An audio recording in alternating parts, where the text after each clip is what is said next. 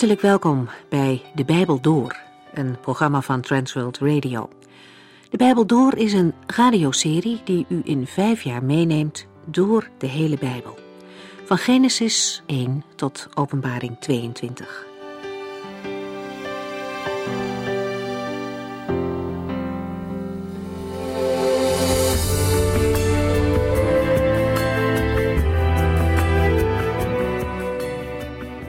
In deze uitzending gaan we verder in Hosea. Hoofdstuk 4 en 5 hebben aangetoond hoe ver het volk is weggedwaald van de Heere, hun God. De priesters, de koningen en ook de gewone burgers hebben hun eigen weg gekozen. De ernstige gevolgen daarvan hebben we gezien. En toch keert de Heere God zich niet voor altijd van hen af. Hoofdstuk 5 eindigt met de hoopvolle woorden dat het volk op een dag weer verlangend naar de Heere uit zal zien. Wanneer zij bang en verloren zijn, dan zullen zij de Heere aanroepen. Hoofdstuk 6 sluit daarop aan met de woorden van het volk, die hier nog door de profeet worden uitgesproken. Kom, laten we terugkeren naar de Heere. In deze woorden zit een erkenning van schuld. Men beseft dat men van God afgedwaald is en terug moet naar Hem. Hij is het ook die hen geslagen heeft, maar hij kan hen ook weer genezen. En wanneer dat herstel plaatsgevonden heeft, wanneer het volk weer opgericht is, dan mag het leven voor Gods aangezicht. En dan zal het zeggen: Wij willen de Heere kennen, en naar jagen Hem te kennen. Dat is een groot verschil met hoofdstuk 4, waarin verschillende keren staat dat het volk valt, omdat er een groot gebrek aan kennis is van de Heere en zijn woord. En hier is sprake van er naar jagen om de Heere te kennen. Iemand die ergens naar jaagt, laat andere dingen liggen. Hij richt zich helemaal op zijn doel. En daar doet hij ook zijn best voor. En zo wil het volk de Heere kennen. Maar op het moment dat de profeet deze woorden spreekt, is het nog niet zover.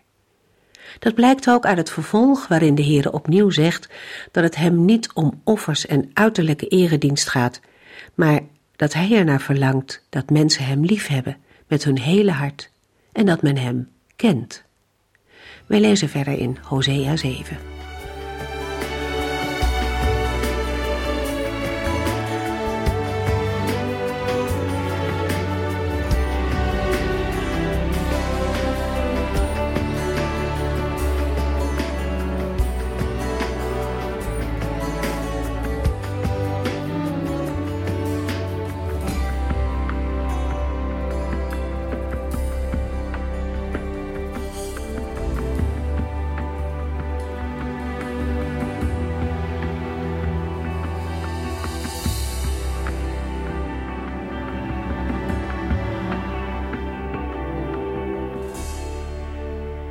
Hosea 7 is geen gemakkelijk hoofdstuk om te lezen.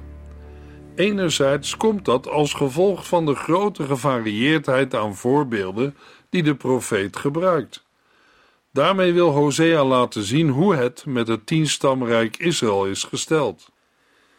In vers 4 vinden we het voorbeeld van een bakkersoven. In vers 8 wordt van Israël gezegd dat ze een halfgare cake is. In vers 11 lezen dat Israël een onnozele duif is. En in vers 16 wordt Israël voorgesteld als een kromme boog die altijd zijn doel mist. Anderzijds is Hosea 7 een moeilijk hoofdstuk vanwege de boodschap die we er lezen. Vlijmscherp wordt Israëls zonde aangewezen en haar onbekeerlijkheid blootgelegd. Het lijkt steeds meer onafwendbaar te worden dat de Heere het tienstamrijk verlaat en overgeeft in de handen van zijn vijanden. En eerlijk is eerlijk, wij horen liever een andere boodschap. Maar, zoals we al eerder zagen, klinkt in het aan de kaak stellen van Israëls zonde en dwaasheid toch de taal van de liefde. De Heere wil zijn volk niet kwijt. Zeker het volk zal moeten boeten voor de ontucht en de afgoderij die ze hebben bedreven, en de aangekondigde ballingschap is niet meer af te wenden. Toch klinkt door alle voorbeelden heen de liefde van de Heere, die worstelt om het behoud van het volk van zijn verbond. Hosea 7, vers 1 en 2. Ik wilde Israël vergeven, maar haar zonde bleken reusachtig groot te zijn. In Samaria lijkt iedereen wel een leugenaar, dief of bandiet te zijn. Haar inwoners schijnen er nooit aan te denken dat ik hun zonde in gedachten houd. Ze zijn omringd door hun misdaden. Ik zie ze voortdurend. De toestand waarin het tienstammenrijk Israël verkeert, is niet best.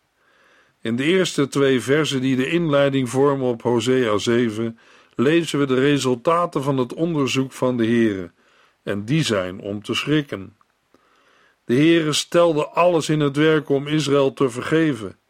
Maar hoe meer de Heere dat doet, des te meer komt het hardnekkige karakter en de boze aard van Israël aan het licht. Wat de Heere ook doet, welke middelen hij ook inzet om Israël haar zonden en overtredingen te vergeven, het wordt alleen maar erger in plaats van beter. Nee, dat komt niet omdat de Heer er te weinig aan heeft gedaan. In Hosea 6 hebben we dat gelezen. We lazen in Hosea 6, vers 5: Ik stuurde mijn profeten om u te waarschuwen voor uw ondergang. Denkt u bijvoorbeeld eens aan het optreden van de grote profeten Elia en Elisa onder Israël. Maar het hielp niet. Het was een teken aan de wand geweest dat Elia naar een buitenlandse weduwe werd gestuurd en haar hielp in haar nood, terwijl er zoveel arme weduwen in Israël waren. En dat alleen de Amon de Syriër werd genezen van zijn melaatsheid, terwijl er in de dagen van Elisa vele melaatsen in Israël waren. Ik heb u harde klappen toegebracht met mijn woorden en met de dood bedreigd. Maar het volk bleef hardnekkig en veranderde niet. We hebben het in voorgaande hoofdstukken gelezen. O ja, soms een enkeling, die kleine groep van zevenduizend die de knie voor Baal niet hadden gebogen. En soms even, een tijdelijke oppervlakkige bekering, door de nood gedreven.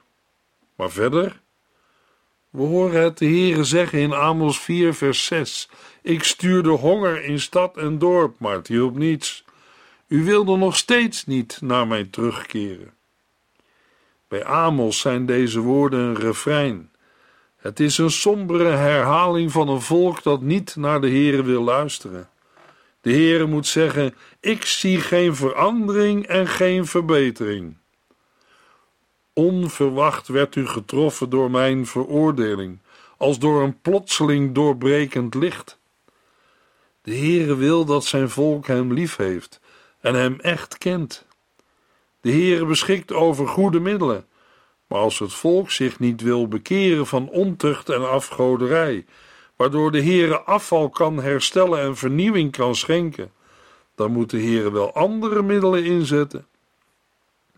Ondanks de maatregelen van de Heere gaat het van kwaad tot erger.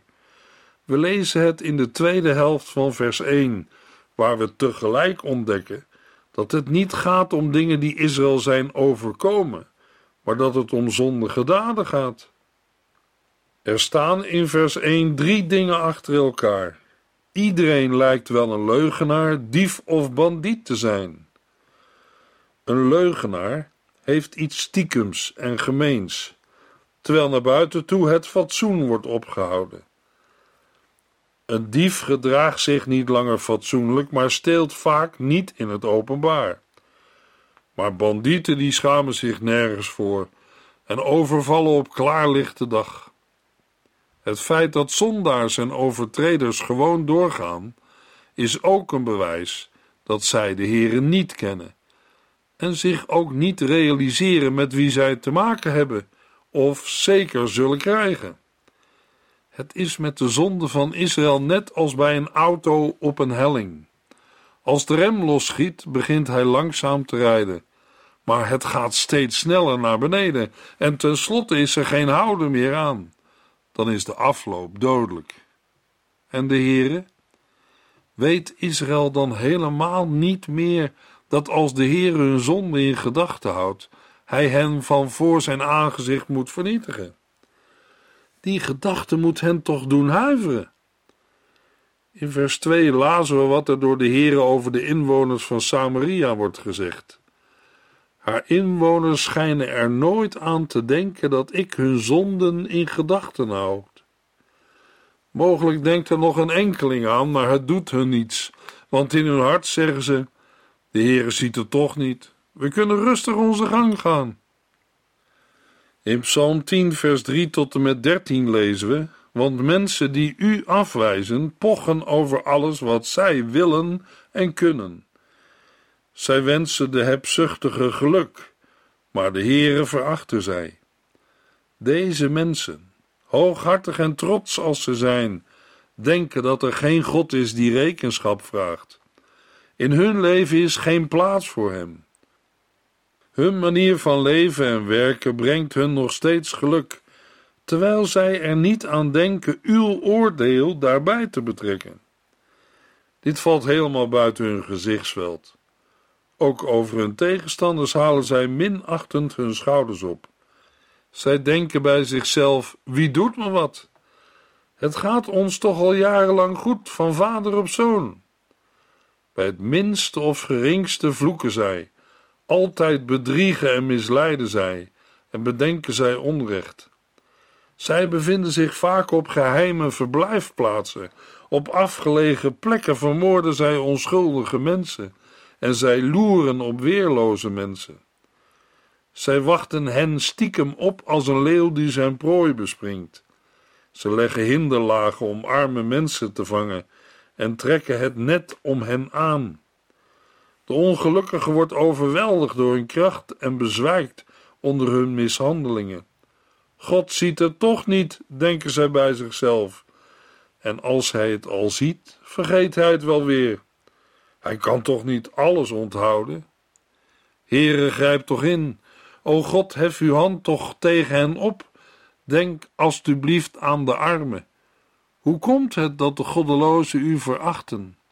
Zij denken dat u hen nooit ter verantwoording zult roepen. De woorden uit Psalm 10 zijn ook vandaag bijzonder actueel. Het is niet alleen de denktrand van velen in Samaria, maar ook van veel mensen in onze tijd. Ze houden er geen rekening mee dat er een God is die leeft en ieder mens ter verantwoording zal roepen van wat hij of zij heeft gedaan, zowel goed als kwaad. En, luisteraar, daar zullen u, jij en ik ook niet aan ontkomen. Geen mens. Tenzij u en jij de borg en middelaar van het nieuwe verbond kent, en dat is de Heer Jezus Christus.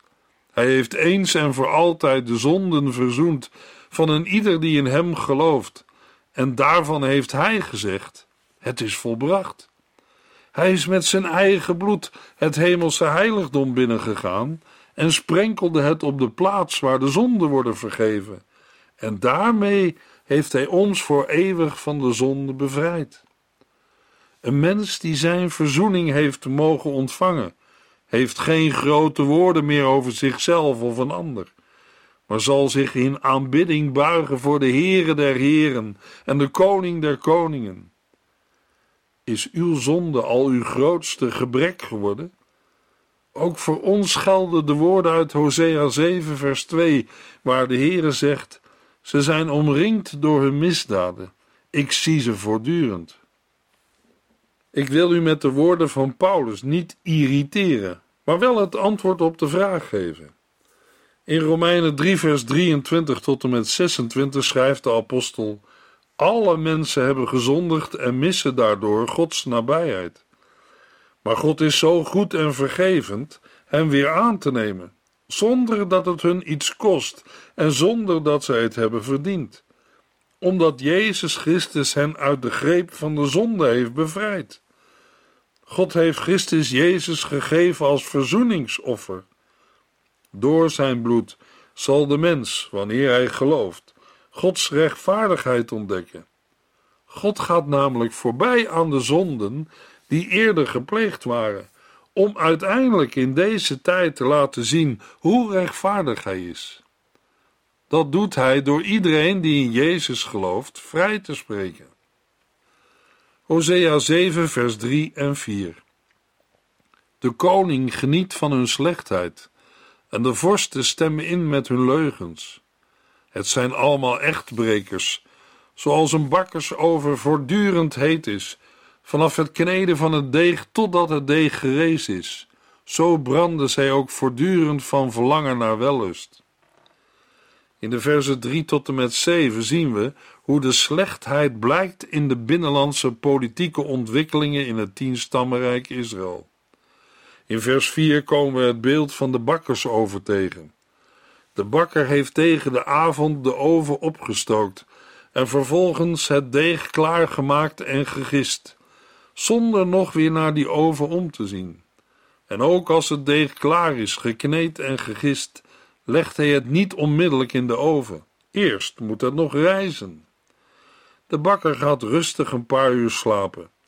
Terwijl hij slaapt, brandt de oven door. Hij hoeft er bij het wakker worden maar even in te porren en de vlammen komen weer op. Zo gaat het ook in Israël.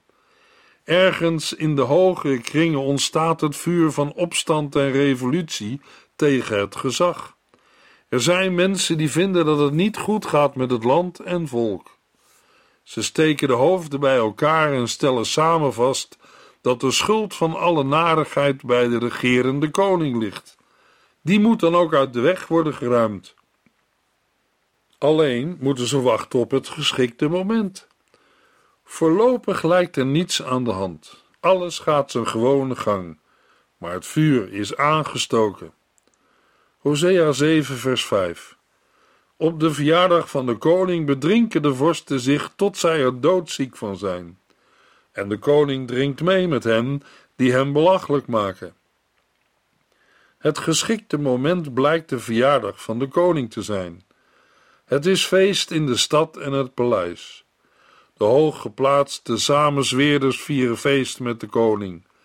Zij zorgen ervoor dat de alcohol rijkelijk stroomt en de koning niets in de gaten heeft. Zo voor het oog is er een algehele verbroedering. Ze slaan de handen in elkaar. Hosea 7, vers 6 en 7. Hun harten gloeien als een oven van hun listen.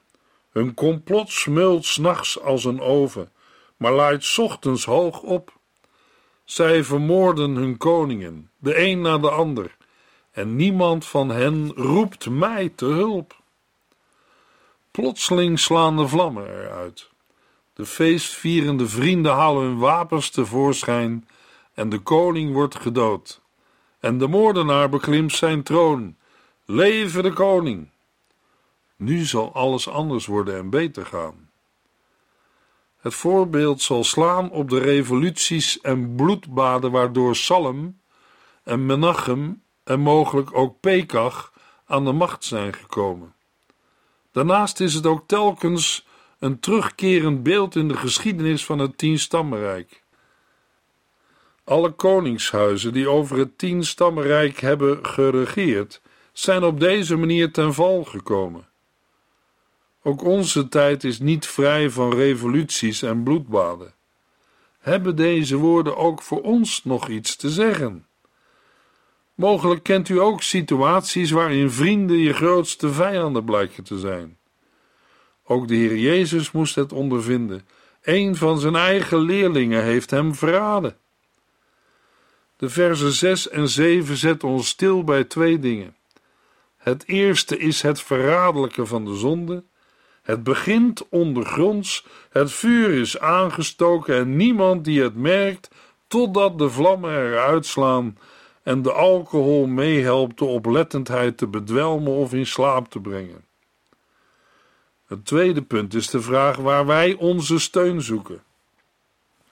Israël verwacht het van revolutionair geweld, van een nieuwe koning, want dan zal alles anders worden.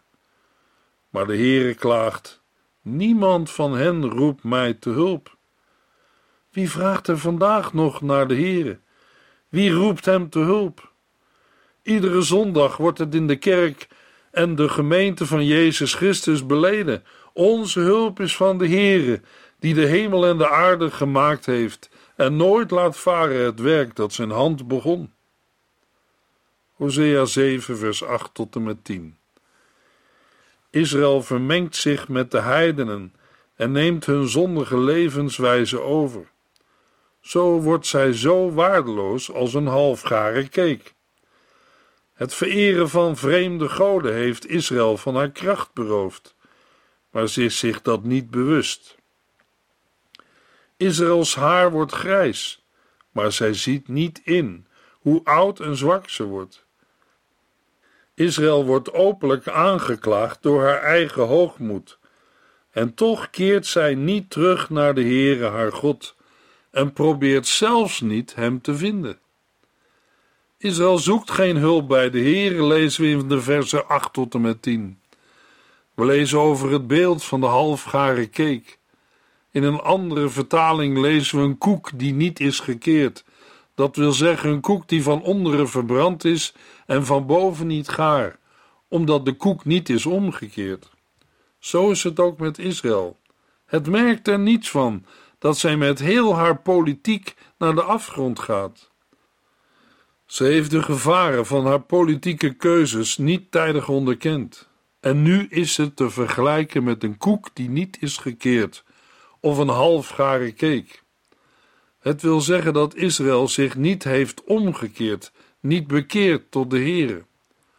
Hoogmoedig en eigen gereid gaat Israël verder op de ingeslagen, verkeerde weg. Er is niemand die God zoekt. De dwaasheid van Israël komt ook tot uiting in de buitenlandse betrekkingen. Hosea 7, vers 11 tot en met 15. Zij gedraagt zich als een onnozele duif, zonder verstand, want ze roept Egypte te hulp of trekt naar Assyrië. Maar terwijl zij vliegt, werp ik mijn vangnet over haar en haal haar neer als een vogel uit de lucht. Ik zal haar straffen voor haar slechte gedrag. Mijn volk gaat ten onder, want het is van mij weggevlogen. Laten de mensen maar omkomen, want ze hebben tegen mij gezondigd. Ik wilde hen wel verlossen, maar zij vertelden leugens over mij. Ze brengen slapeloze nachten door vanwege hun zorgen, maar willen niet mijn hulp inroepen. In plaats daarvan aanbidden zij heidense afgoden en vragen die om graan en jonge wijn. Maar van mij keren zij zich af. Ofschoon ik het was die hen heb geoefend en sterk gemaakt, komen zij tegen mij in opstand. In de versen 11 tot en met 15 wordt meegedeeld dat de Heere Israël aanduidt als een onnozele duif, zonder verstand. En in vers 16 vinden we de aanduiding een kromme boog die altijd zijn doel mist. Het beeld van een duif is ontleend aan de taal van de liefde. In het Bijbelboek Hooglied noemt de bruidegom zijn bruid mijn duifje. Zo noemt de Heere Israël zijn bruid. Maar Israël is weggevlogen van de Heere haar man, onnozel en zonder verstand. Nu vliegt ze doelloos heen en weer. Ze vliegt van Egypte naar Assur, beide twee wereldmachten in de dagen van Hosea. Israël zoekt bij beide steun tegen de ander, maar ze heeft niet door dat het gevaar juist van de kant komt waar ze steun zoeken. Het enige dat steeds duidelijker wordt is de onbetrouwbaarheid van Israël. Een kromme boog noemt de Heer het volk in vers 16. Je kunt er niet mee uit de voeten. Met een kromme boog schiet je altijd mis. Een kromme boog is niet meer te gebruiken en kan worden weggegooid. Het gaat niet goed met Israël en daar is ook alle reden toe. In vers 13 wordt gezegd dat Israël van de Heer is weggevlogen en dat zij tegen de Heere hebben gezondigd. Zij zijn van de Heere afgevallen en hebben trouwbreuk gepleegd. Israël noemt de naam van de Heere nog wel, maar ze vertellen leugens over hem. Ze bedenken kwaad tegen de Heere. Ze zijn erop uit om de boosheid van de Heere te wekken door heidense goden om hulp te vragen. De Heere herinnert in vers 13 aan de verlossing die hij telkens weer schonk uit de hand van de vijanden. Hij was hun tot hulp en sterkte geweest. En nu zoeken ze hulp bij Assyrië, dat nota bene al bezig is zich klaar te maken voor een aanval op Israël. Ze zoeken bescherming bij Egypte en vluchten erheen, terwijl Egypte hen achter hun rug bespot en uitlacht. Hosea 7, vers 16. Ze kijken overal om zich heen, behalve naar omhoog, naar mij. Ze zijn als een kromme boog die altijd zijn doel mist. Hun leiders zullen sneuvelen door het zwaard van de vijand vanwege hun onbeschaamde gedrag tegen mij. En heel Egypte zal hen hierom uitlachen. Vers 16 geeft een samenvatting van wat we net lazen. Israël zoekt het overal, behalve bij de Here. De woorden zij kijken overal om zich heen, behalve naar omhoog, zijn kenmerkend voor het afgedwaalde Israël. In Jeremia 3, vers 6 en 7 lezen we dat de Heer aan Jeremia vraagt: Hebt u gezien hoe ontrouw Israël is? Als een prostituee die zich bij elke gelegenheid aan mannen geeft, aanbad Israël haar afgoden op elke heuvel en in de schaduw van elke boom.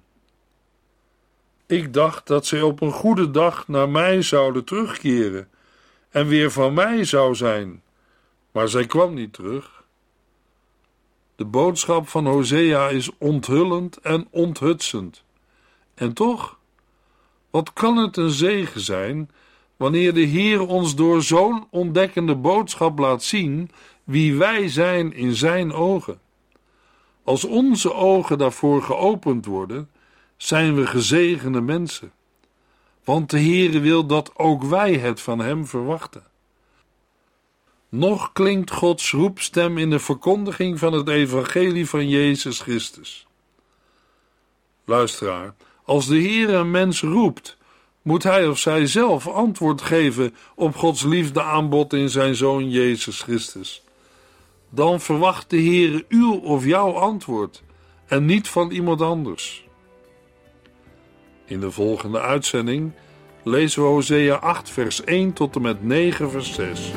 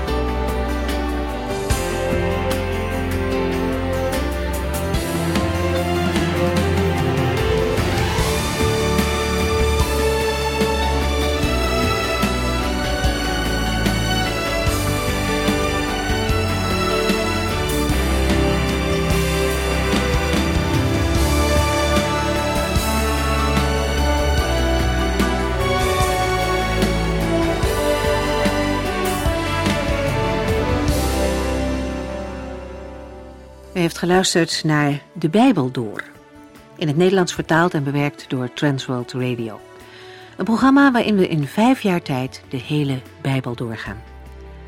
Als u wilt reageren op deze uitzending of u heeft vragen, dan kunt u contact met ons opnemen. Tijdens kantooruren kunt u bellen op 0342 47 8432. 0342 47 8432. 32. Ook kunt u een e-mail sturen naar de Bijbel door transworldradio.nl en natuurlijk kunt u ook via de post ons bereiken. TWR, postbus 371, postcode 3770, AJ in Barneveld. Dit programma werd gepresenteerd door Corweda en Ike André. Techniek was in handen van Odin van Woerdenkom. En namens ons allemaal bedanken we u van harte voor het luisteren.